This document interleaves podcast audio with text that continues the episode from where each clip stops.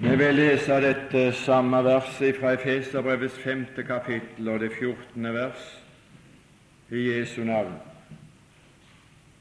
Derfor sier Skriften, våkn opp, du som sover, og stå opp fra de døde, og Kristus skal lyse for deg.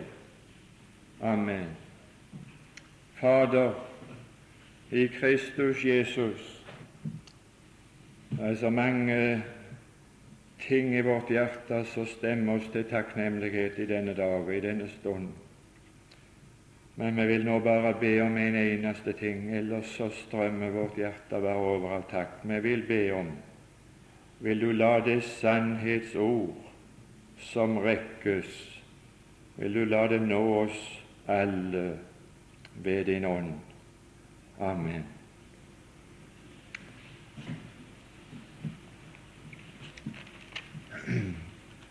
Jeg vil uh, bare få gjenta eller ta fatt i en eneste ting fra i formiddag fra det fjerde kapittel og det sjuende vers, for å tilføye noe der som ikke ble fullført og sagt.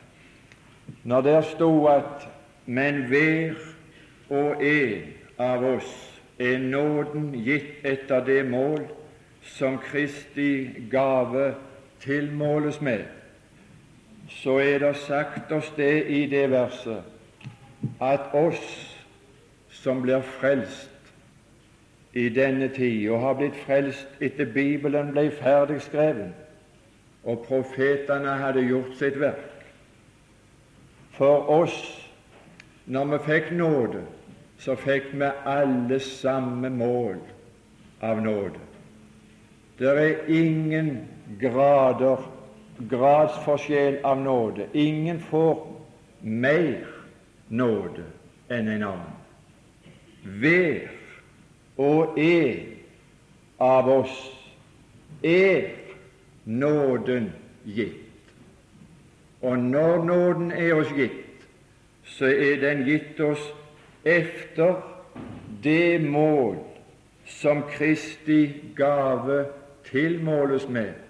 Og når jeg og du er frelst av nåde, det er en Guds gave, ikke av oss selv, så er denne frelsen en gave fra Gud som er gitt oss at når vi fikk nåde, så la Gud oss som et lem på sitt legeme det felles nåde som alle har del i. Vi er alle lemmer på det ene legemet, hver og en. Her er ingen forskjell. Her er ingen som har fått en ekstra nåde av Gud og er profet nå. Ingen har fått en ekstra nåde av Gud og en apostel nå. Ingen ekstraordinære ting. Nå er nåden gitt. I det målet som Guds gave tilmåles med, så er du frelst. Så er du et lem på Kristi legeme. Vi er hverandres lemmer. Det er forskjell på lemmene, men det er ikke forskjell på den nåde Gud har gitt oss. Den sannheten den er for meg av en kolossale praktiske betydning. Jeg kan, jeg kan slå meg til ro. Jeg har fått det som Gud har å gi. Her er ikke mer å søke. Her er ikke mer å be om. Her er ikke mer å få. Gud har ikke mer å gi. De lokker ikke Arne Bjerkreim på slike annonser. Gud har mere å gi. Han har ikke mer nåde å gi. Hver og en er nåden gitt av oss.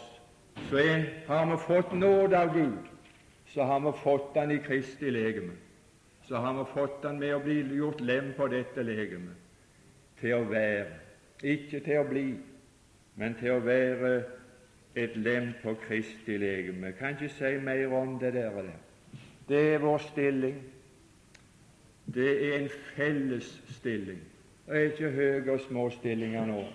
Skriften er ferdige, og alle må i dag være tilfreds med å være lemmer på et ferdig legeme.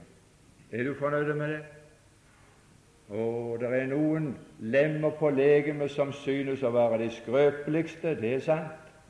Det er noen lemmer på legemet som er mere ære verd, det er sant. Men de hører alle med til på det samme legemet. De har ikke fått en ekstra nåde. De er ikke noe ekstraordinært, og langt ifra. Vi er alle lemmer på Kristi legeme. Er ikke det et vidunderlig samfunn? Er ikke det vidunderlig at vi er, hører Herren til på samme vilkår alle sammen? Ikke med en ekstraordinær gave fra Gud så har jeg rett til å gå på talerstolen. Ikke ved en ekstraordinær nådegave utruster meg og gir meg autoritet til å stå her. Men det som gir meg rett å stå her, det er at jeg er et lem på Kristi legeme. Og så skal lemmene tjene hverandre. Og nå har jeg blitt et sånt lem som tjener på denne måten, og så tjener et annet lem på en annen måte. Men det er bare fordi at vi har fått nåde av Gud tilmålt på den måten at vi ble lemmer på Kristi legeme. Ikke fordi vi får noen ekstraordinære gaver. Ikke ekstraordinære ting. Vi skal bare være sannheten tro. Legeme, de ekstraordinære gavene som skulle bygge opp Kristi legeme, var tidsbegrensa. Det var inntil inntil vi alle når frem. Men når Bibelen var ferdig, så har alle nådd frem. Nå har alle nådd frem til enhet i tro på Guds sønn. Å, for en vidunderlig enhet! I tro på Guds sønn som er fremstilt fra Bibelens første til Bibelens siste blader. Det er ikke to profeter som ikke en, har enhet i tro på Guds sønn i Bibelen. Mer kan jeg ikke si om det, dessverre. Det hadde vært svært nødvendig, tror jeg. Det som, det som nå bare til en fortsettelse av det som er slutta i dag, det var hensikten at Skriften hadde noe å si til deg som sov. Våkn opp, du som sover. Hvorfor sier Skriften det? stilte vi spørsmål. Derfor sto en. Derfor sier Skriften våkn opp. Og grunnen til at Skriften sa våkn opp, det var det som han begynte på i kapittel 4 og i vers 1, som vi begynte å lese på i formiddag og var kommet så langt ned som til det 17. vers, og vi skal fortsette vår lesning der. Og jeg vil ha sagt en ting som du kan bare vurdere veier på gullvekt. Jeg vet at det, er, at det kan være dissens i våre meninger om livet i Gud, våre erfaringer og opplevelser med Gud. Det vet jeg. Men jeg vil få lov å sette ut en påstand, så får du veie den på gullvekt. Det meste av det som jeg sier på bibelkurs og bibeltimer, det er, det er begrunnet med Skriften. Dette som jeg nå sier, er også det, men jeg sier det som en påstand.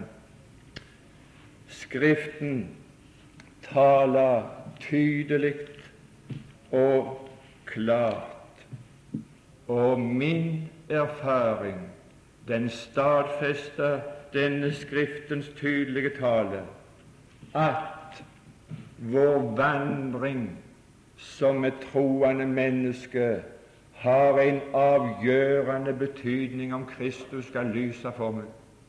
Er det sant? Er det sant? Er det noen her som kan protestere at det har ingen betydning med vandringen? Kristus lyser likt for alle. Det er likt for alle. Er du frelst, så lyser Kristus likt for alle som er frelst. Her står iallfall at Skriften har noe å si om vår vandring.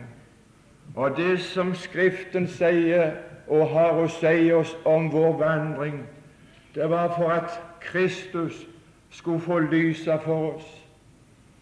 Og hvis vi ikke vandrer slik, så lyser heller ikke Kristus for oss. Å, men du kan tro at jeg har møtt i mitt liv en motsigelse, mye motsigelse, mye mye som har iallfall gjort meg vondt til å være med på bibelkurs, bibeltimer. Tenk å holde på med bibeltimer. Time etter time, dag etter dag, år etter år. Å gjøre det så innvikla for folk, sier frelse må gjøres enkelt for folk. Er det så innvikla at folk må gå på kurs? Skal du gjøre kristendommen for viderekomne? Er det, er, er det kristendom for viderekomne? Hva du innbiller deg nå? At vi skal lute gå på kurs dag etter dag, uke etter uke, år etter år? Er det, er det, er det en kristendom for viderekomne? Du må komme deg ned på jorden. For kristendom, det er enkelt. Det er Jesus alene. Ja, det er enkelt å bli frelst. Ja, det er enkelt. Gud har gjort det så enkelt å bli frelst at hvem som helst kan bli frelst, som til Gud seg vender. Men for at Kristus skal lyse for meg når jeg er frelst, det har iallfall aldri vært enkelt. Du store min, det har ikke vært like gyldig hvorledes en vandrer som en kristen. Det er mange, mange år som ligger tilbake av mitt liv, men Kristus har ikke lyst like klart i de årene. Vi skal prøve i denne stunden å si noe av det som Skriften sier. Det er ikke han Arnold Bjerkreim som har noe på hjertet. Det er ikke det for reiste til Vigra, langt ifra. Men jeg hadde lyst til å være med, som jeg sa på den første kvelden. Hvorfor har du ikke vekt meg før? Jeg har lyst til å være med og vekke deg, sa du. At du ikke våkner for seint når muligheten er slutt. Det hadde jeg lyst på. At du ikke skulle gå glipp av at Kristus skulle få lyse for deg i ditt liv, i ditt levende liv. I, denne, I disse minuttene, i denne timen, er det fire ting som jeg vil få konsentrere mitt vitnesbyrd om fra denne sammenheng. Og Den første tingen er at her står det nå en beskrivelse først om hvorledes vi ikke skal vandre. Det er godt å få opplysning om det. Og det er bare Skriften snart. Jeg vet ikke om stort flere enn Skriften som har noe å si til de troende om det. Det er ikke sikkert det er så mange som sier dette til dem. Men Skriften, den sier fremdeles i dag, som en har sagt før, hvorledes de som hører Herren til, ikke skal vandre. Og den første av disse tingene står skrevet i 17. vers. Dette sier jeg da, og vitner i Herren at dere ikke lenger skal vandre som hedningene vandrer, i sitt sinns tomhet, som hedningene vandrer. Ikke vandre som hedningene vandrer. Ja, en kan være frelst om en vandrer slik. Dette var et ord til frelste mennesker. Det var til frelste mennesker som så. Så er det spørsmål skikker du du like denne verden. Ikke skikke eder like denne verden. Jeg skal ikke si så stort om det. Det er grunn nok å bare gjøre oppmerksom på det. Så står det en beskrivelse om hvorledes de vandrer. Og Da forstår du snart at det er ikke muligheter for Kristus å lyse for en troende som vandrer slik.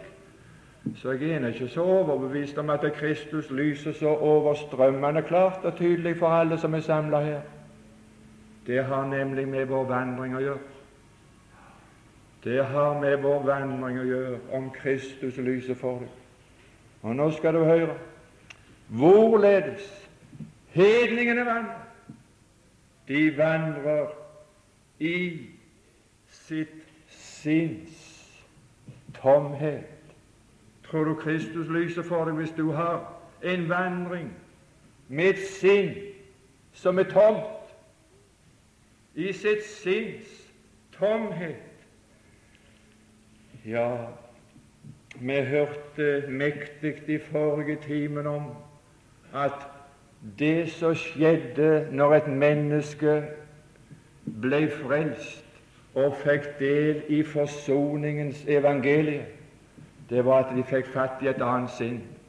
De firte ned opprørsfaner.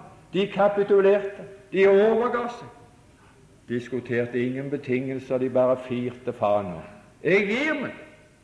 Jeg kapitulerer. Jeg legger sammen.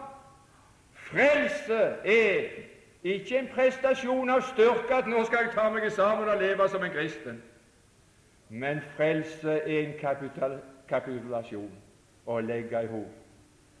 Fatte et annet sinn, trenge nåde. Meg til frelse jeg intet vet, uten deg, Guds land. Det er noe som gjør sinnet fullt, et annet sinn. Hvorledes vandrer du? Vandrer du med et tomt sinn, eller vandrer du med et fullt sinn? Jeg skal ikke si mer heller om det. De vandrer, står der videre, formørket i sin tanke. Kan du tro at det kan være noen Kristus og lyser da? Når et menneske er formørka i sin tanke, vandrer du slik? Jeg glemmer aldri et bibelkurs på Mosby. Det er mange bibelkurs det er ingen bibelkurs å glemmer. det er det sanne. Men det er mye av det som var sagt på bibelkursene, som har blitt glemt av meg. Det er sant. Men det var ei strofe jeg hørte av Aurebekk på Mosby bedehus et år. Han hadde hatt problemer med søvnen, og vi var alltid interesserte. Er du opplagt til å holde to timer av kveldsmøte i dag? Har du fått sove godt? Ja, det var ikke alltid han hadde sovet, men så sa han det er ikke så farlig å ligge våken om natten når du ligger våken med lyse tanker. Har du lyse tanker? Å, men det er vidunderlig å være en kristen med lyse tanker. Kristus lyser for meg med lyse tanker. Vandrer ikke som hedningene, ser formørka i tankelivet. Men Gud har gitt meg lyse tanker å, men det er et vidunderlig liv. Du vandrer vel med lyse tanker, ikke bare om nettene, men med dagene. Og den som har gjort mine tanker lyse, det er min omvendelse til den Herre Jesus. Det er mitt samfunn med den Herre Jesus. Det er mine stunder ved Jesu føtter. Når jeg fikk høre de livssalige ord som gikk ut av hans munn, som opplyste mine tanker. Et tankeliv som er fylt av Herrens tanker. Du øver deg vel opp i å tenke dem. Ja, det er vandring, det. En vandring, ikke vandre fremmedgjort for Guds liv. Går det an for en kristen å vandre fremmedgjort for Guds liv? Ja, det går an når han sover. Men da lyser ikke Kristus. Fremmedgjort for Guds liv står her, men i den i den eh, skal vi kalle det Kristiansandsoversettelsen så står det 'fremmedgjort for livet med Gud'. Nei, du vandrer vel ikke fremmedgjort for livet med Gud. Når et menneske er frelst, så er det et opplevelsesliv med Gud. Et erfaringsliv med Gud. Du har vel et liv med Gud om dagene når du vandrer så du erfarer sannheten av at 'jeg er med deg alle dager'. Jeg vil ingenlunde slippe deg, og ingenlunde forlate deg. Det skulle nå bare blott mankere at jeg aldri skulle gjøre erfaring av sannheten av det ordet hvis det var sant at han er hos meg, at han ikke forlater meg. Det skulle nå bare blott mankere at jeg ikke skulle gjøre erfaring av at han var hos meg. Å, jeg er ikke fremmedgjort for livet i samfunnet Gud. Du vandrer vel bevisst med Gud, eller sover du? Hvis du sover, så har du jo ingen lys. Men hvis du vandrer og opplever livet med Gud, ja, så lyser Kristus vår. Han gjør det. Ja, de, står der videre, For en vandring! De som følelsesløse Å nei, du marakkels og skap altså, Tenk oss å vandre følelsesløs. Nei, jeg er så glad for at jeg har følelser. Jeg er vidunderlig glad for at jeg har følelser både innvortes og utvortes. Tenk å være følelsesløs. Hedningene vandrer følelsesløse. De føler ikke noe vondt når de gjør noe vondt. De føler ikke noe vondt når de ser noe vondt. De føler ingenting, samme hva de er med på. Hvordan er det med dine følelser? Følelsesløse! Kan du være med? Kan du høre på noe? Kan du være med på noe uten at du får vonde følelser? Du skrekker denne verden. Ikke bare følelsesløse, men er du følelsesløs, så har du overgitt deg til skamløshet. Tenk, de skjemmes ikke engang.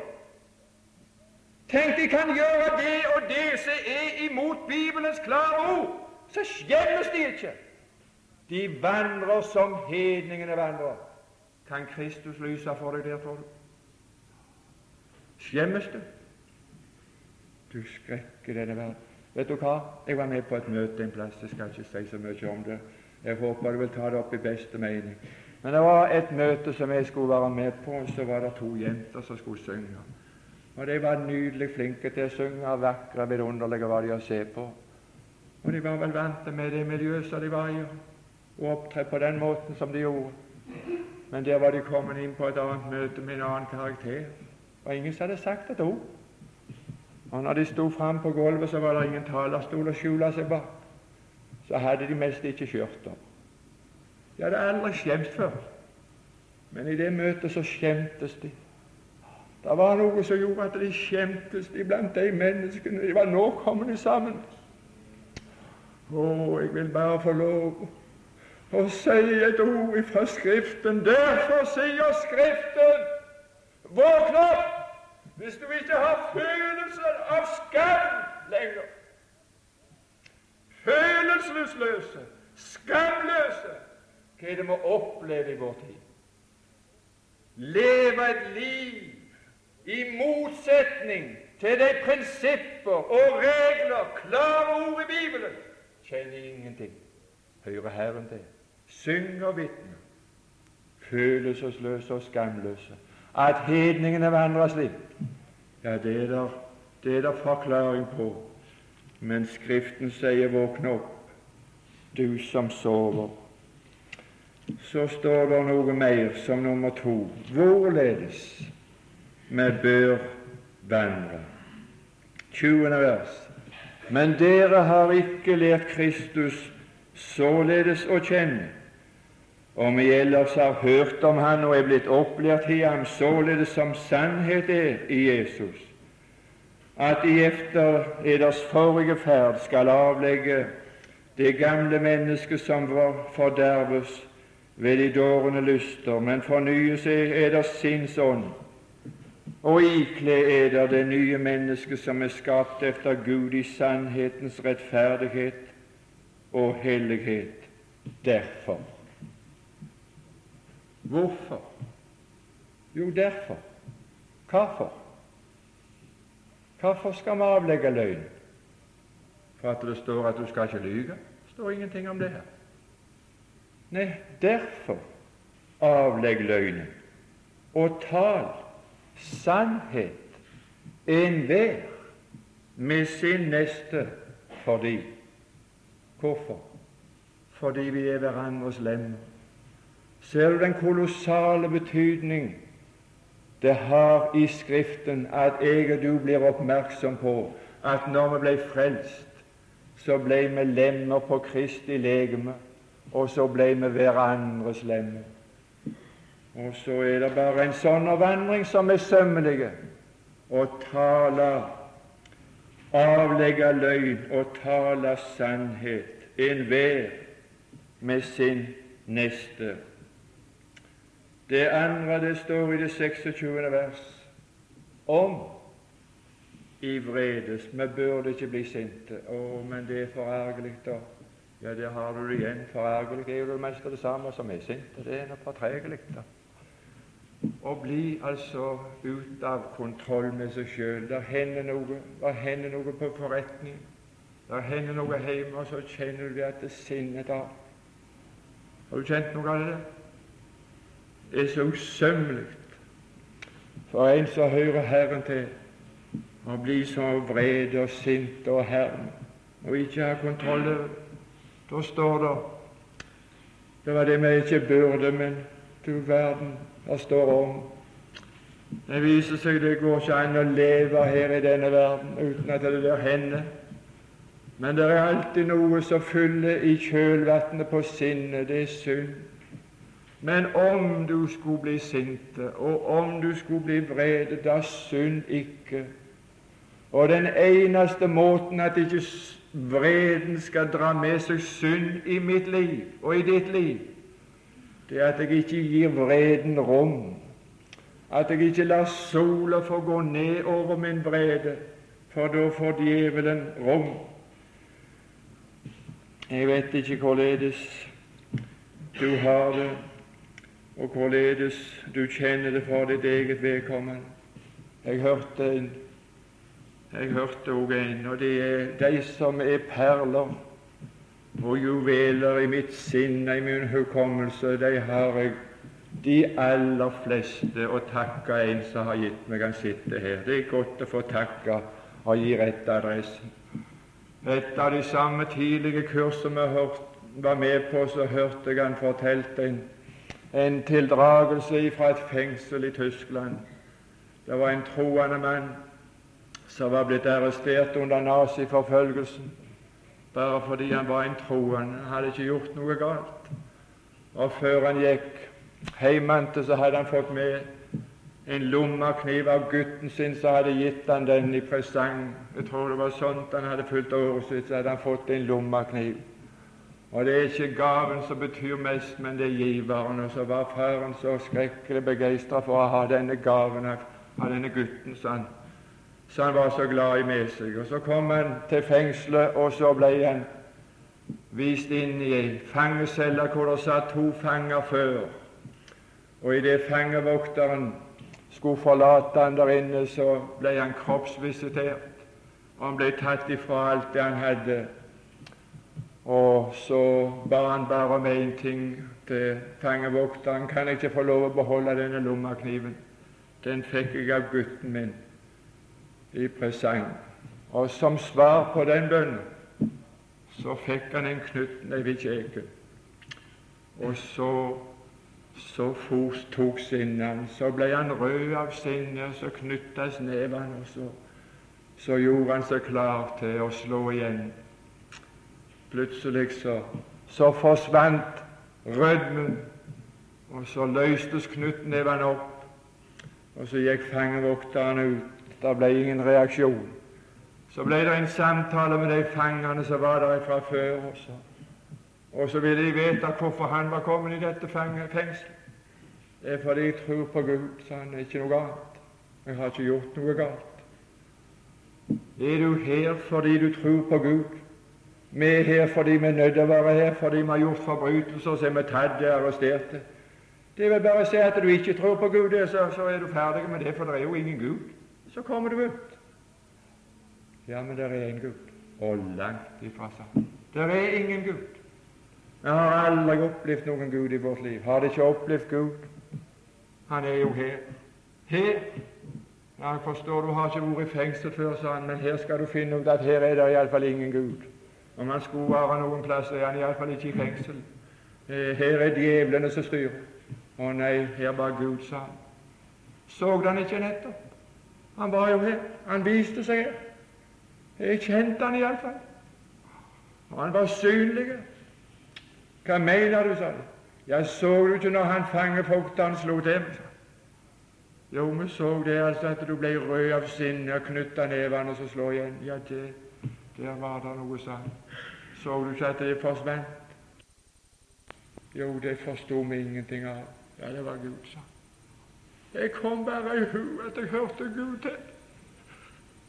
Så var det så usinnelig. Så fikk han kontakt med de fangene, så kunne han veilede dem til å tro på denne Gud. Du store min, for en verdig oppførsel. Om i vredes, da synd ikke. Gi det ikke rom. Det er mange måter å, å vandre på, men her er det en måte som er verdig. Og Derfor har jeg bedt den Herre Jesus om at jeg måtte bøye mitt øre, så at jeg hørte en hørende øre for det som Skriften har å si meg. Det er ikke så mange andre som sier det, men Skriften sier det. At en sådan oppførsel, en sådan vandring, det har en frelsende virkning på våre medmennesker. Hva hadde det nytta for han der i fengsel og snakket om Gud hvis han hadde blekt igjen? Jeg skal ikke si mer om det, du forstår. Vi må lese videre.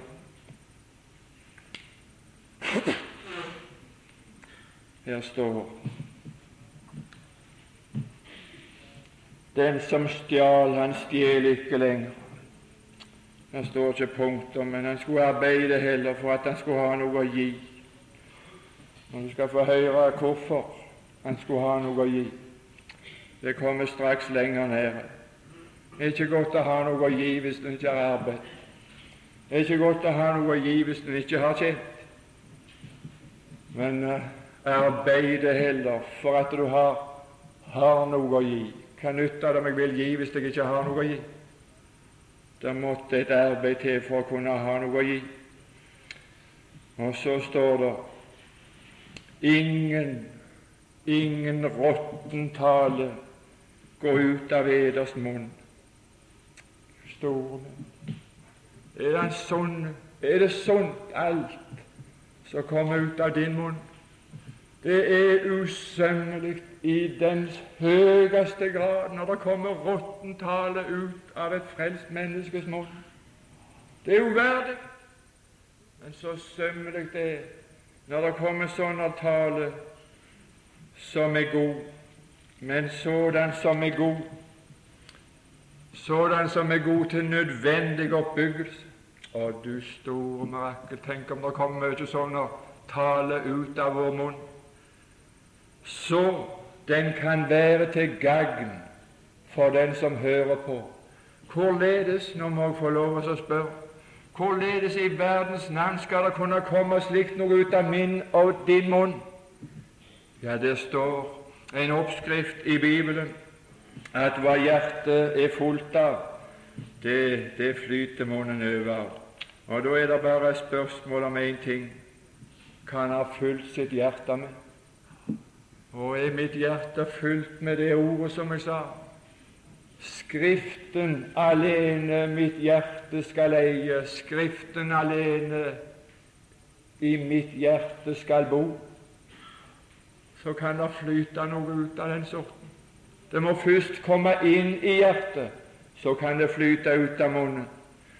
Så sto det, når dette var sagt, så står det i det femte kapittel og det første vers Bli derfor Guds efterfølger. Du verden for, for et eksempel.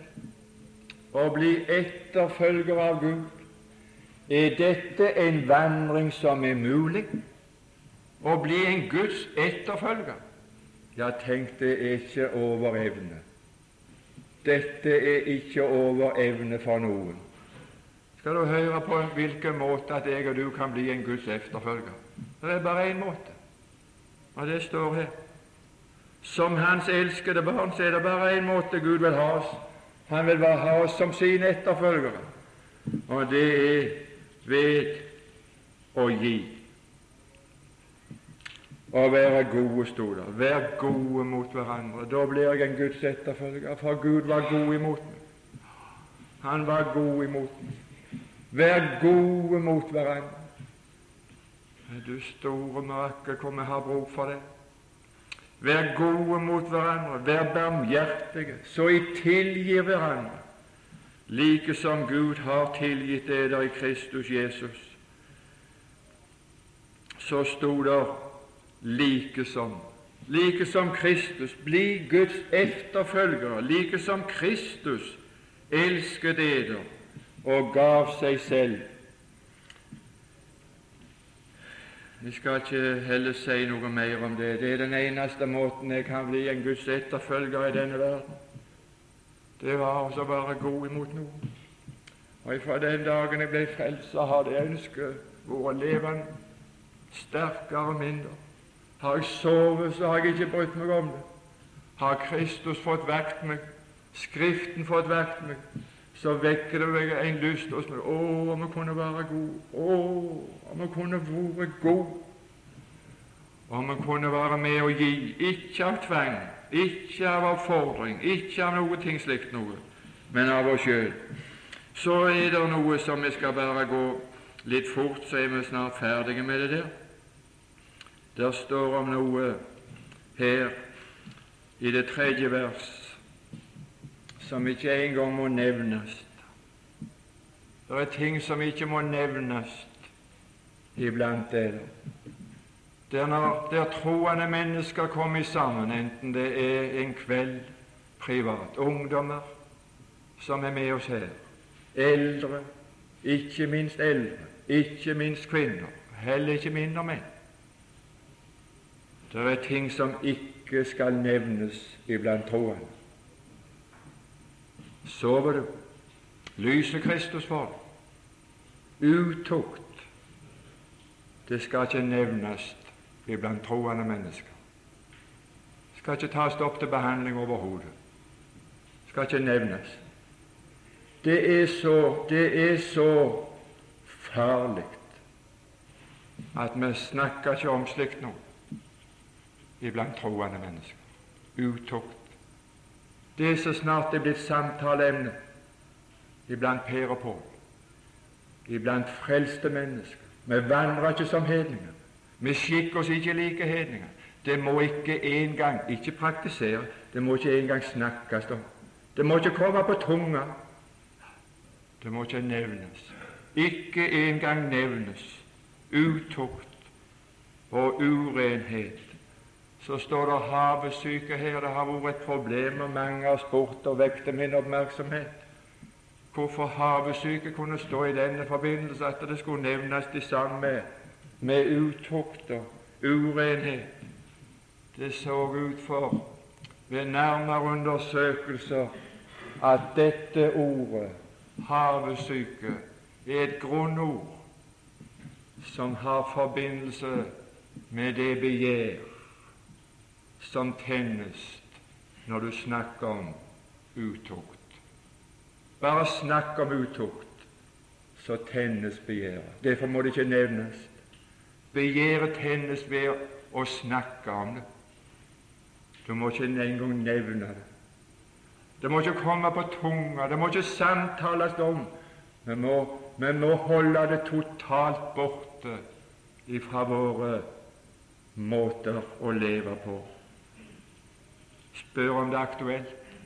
Du store venn. Så står det noe svært her.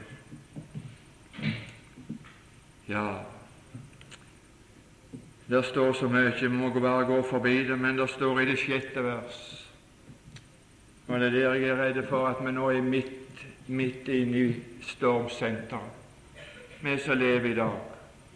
La ingen dåre eder med tomme ord.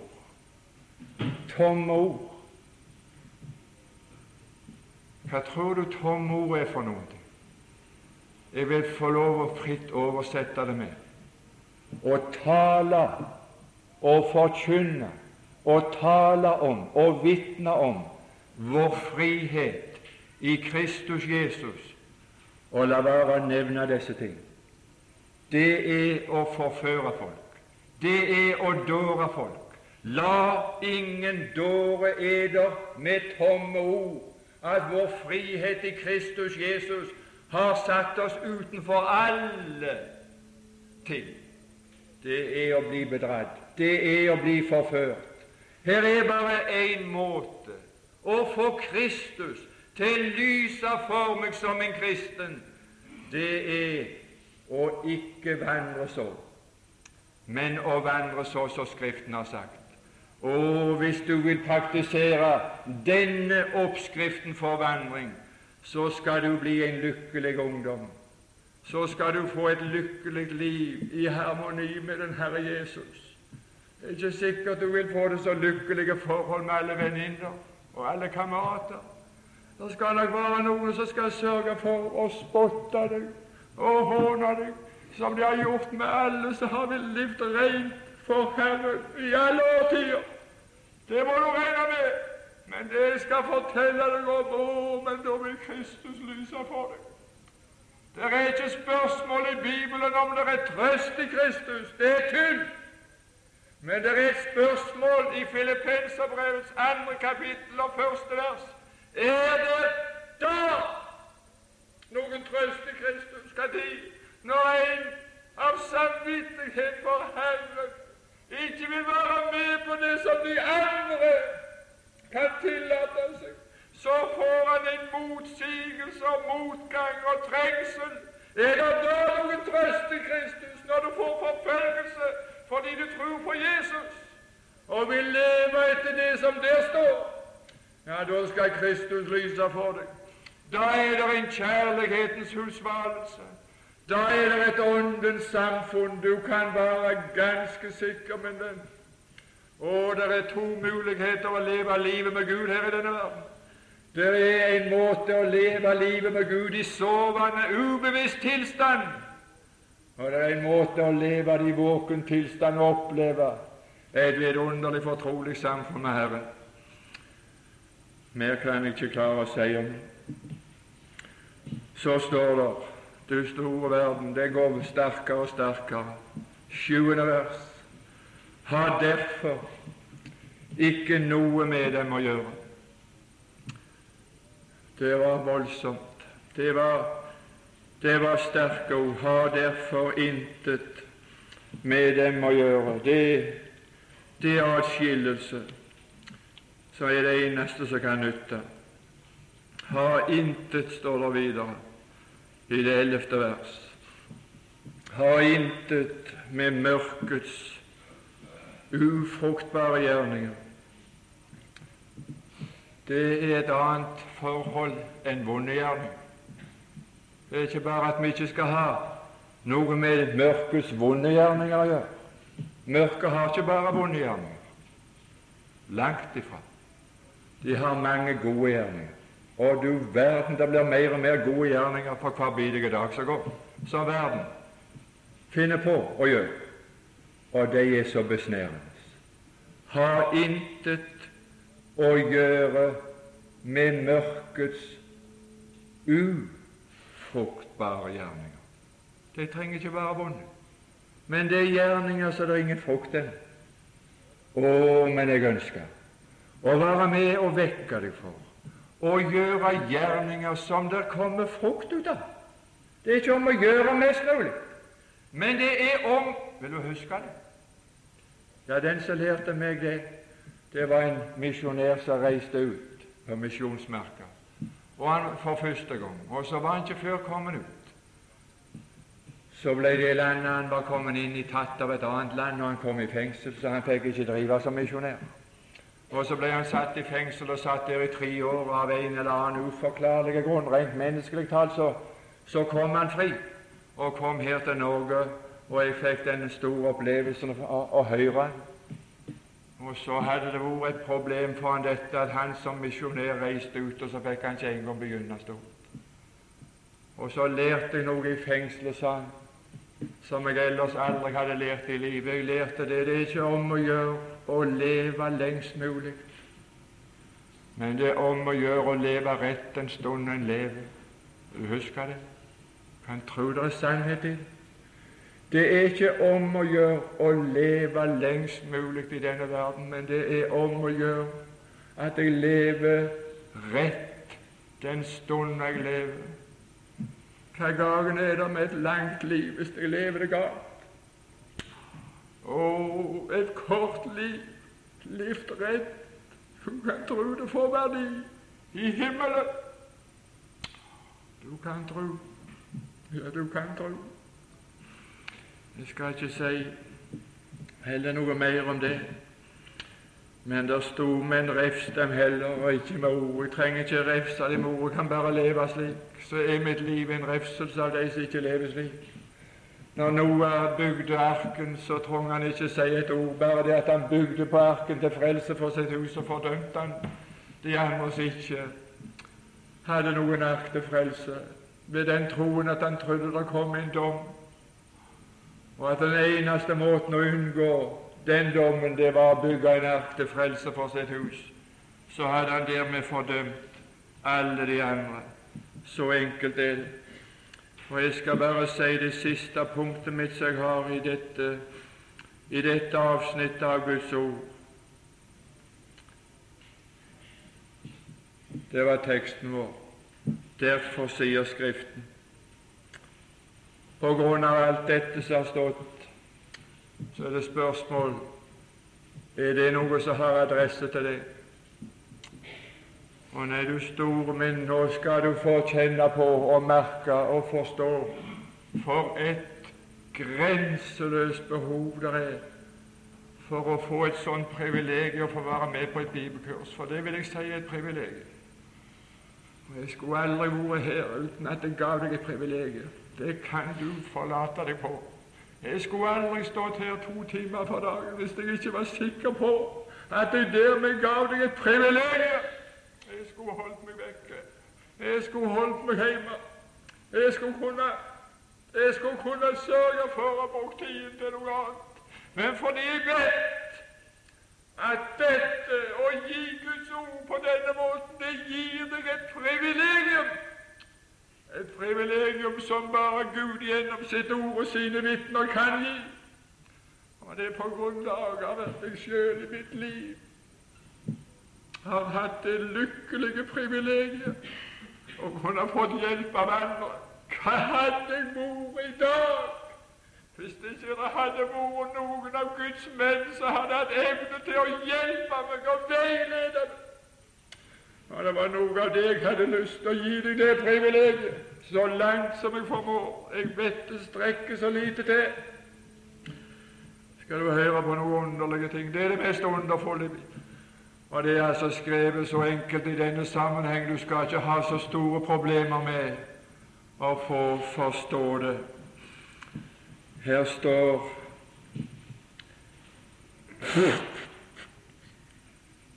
Se derfor til hvorledes vi kan vandre varlig.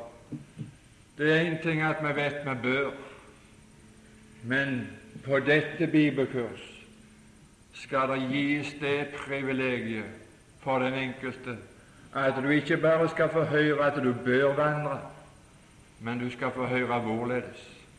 Hvorledes jeg kan vandre varlig. Ikke som uvise, men som vise. Å være vis Vet du hva det er? det er ikke spøk. Vet du hva det heter å være vis? Å vandre som en vise og ikke uvis.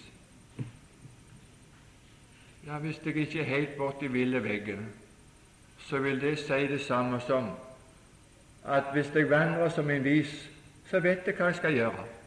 De som er vise, de vet hva de skal gjøre. Det som er det problemet for meg når jeg ikke vet hva jeg skal gjøre, så er jeg uvise på den jobben der. Jeg forstår ikke dette. Jeg vet ikke hvordan jeg skal gjøre det. Visdom den forteller meg og gjør meg så jeg vet hva jeg skal gjøre i neste øyeblikk. Er du vis så du vet hva du skal gjøre? Det står noe i Ja, det må du langt tilbake i Det gamle testamentet, i første krønikebok. Du kan sitere det tolvte kapittelet, notere det tolvte kapittelet og det 32. vers. Det var noen der som eh, har fått en betegnelse Isakars barn, de forsto seg på tidene. Ja, Det er det mange som har lyst til å forstå seg på tiden. Men de forsto seg på tiden så de visste hva Israel hadde å gjøre. Ja, det visste visdom, det. Så, så kan fortelle meg og gjøre meg oppmerksom på hva vi har å gjøre. Det privilegiet skal vi også få oppleve under dette vidunderlige bibelkurs. Så står det noe forunderlig. bli fylt av Ånden.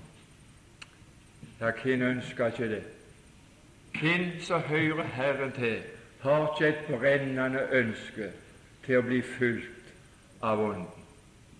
Men jeg er redd for at det er skrekkelig mange av oss som ikke er oppmerksom på hvorledes de menneskene er, og arter seg og oppfører seg og ytrer seg, som er blitt fylt av Ånden. Men det står her. Nå skal jeg lese for deg hvorledes de er når de er blitt fulgt av Ånden. Så er det spørsmål om du har lyst. Så er det spørsmål om du har like stor interesse å bli fulgt av Ånden når det er sånt det virker. Nå skal vi høre her beskrivelse av hvorledes en åndsfullt kristen er. Så skal du se om det er et bilde av sånn som de snakker om at de er nå til dags. Å, du verden. Her er mye ånd, men det er bare én ånd som er en hellig ånd. Det går an å bli fylt av mye ånd, men det er bare én ånd som er Den hellige ånd. Og Den hellige ånd, den virker slik når de blir fylt av Den hellige ånd, så virker det slik som her står Bli fylt av Ånden, så på den måten Det er åndsfylde.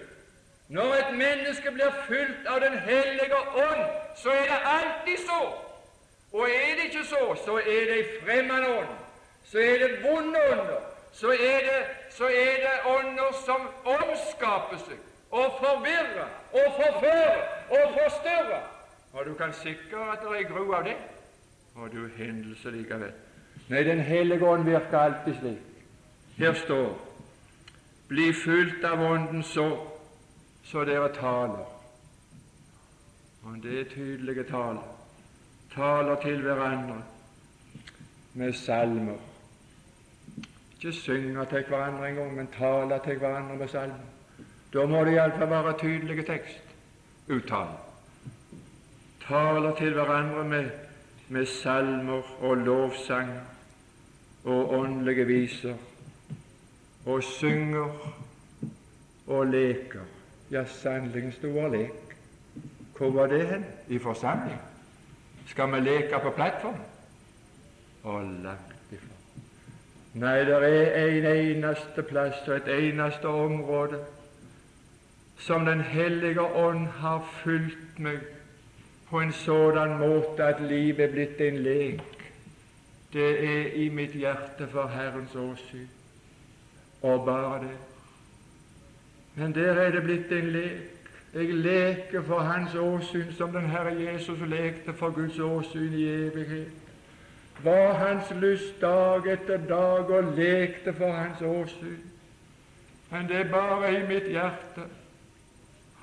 Det er bare i mitt hjerte det er en sånn tilstand at jeg kan leke for Herrens åsyn. Det er de lyse tankene om hva jeg er i Kristus Jesus, som har gjort livet i mitt hjerte til en lek for Herrens åsyn for jeg er Han til behag. Men når det gjelder livet i denne verden, så er det ikke lek. Det er noe annet enn lek. Det er krig. Og det skal vi få høre om lenger ut i dette, disse kapitler.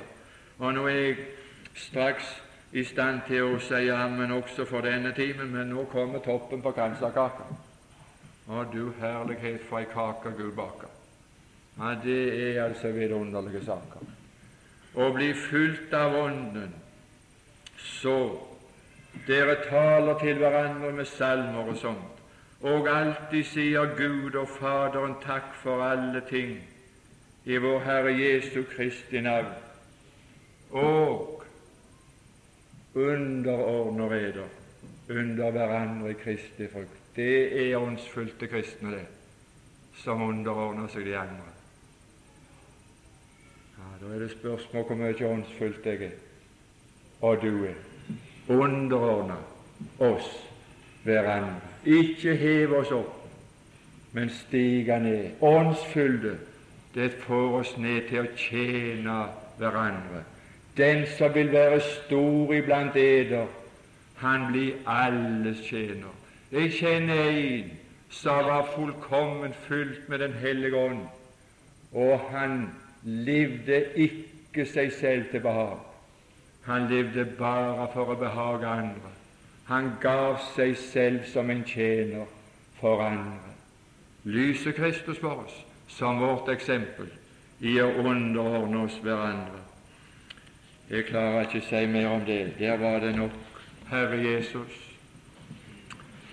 Å, jeg vil få lov å takke deg for den omsorg som du har lagt for dagen ved det ord du har nedtegnet i Bibelen, ved Den hellige ånd, ved dine vitner og dine tjenere som du har hatt ned gjennom alle tider.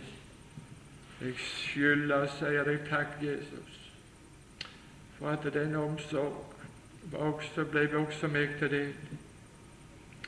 Og jeg vil takke deg for det strevet du har hatt, og jeg vil takke deg for det resultatet som det har ført fram til. Jeg vil takke deg, Jesus, når jeg står her for det vidunderlige forhold du har gitt i mitt hjerte til alle tider. Det er lyst. Det er lek. Livet med deg, det er en lek. Du gjorde alt så fullkomment at jeg er forsørga for tid og evighet. Ansvar har du tatt på deg. Så i mitt hjerte kan jeg leke for ditt åsyn i takknemlighet, i tilfredsstillelse av å være din. Å, jeg er så lukkelig ja, fordi jeg får lov å være din. Din, å Jesus. Din å være er min lyst, er min ære. Å, hvilken lykke! Og deg tilhører takk at også jeg fikk være med. Velsign oss fortsatt denne dag Legg din ånd med styrken i kveld over bygda, over hele Vigra og Dra de mange sjeler bange til deg ved Din Hellige Ånd. Amen.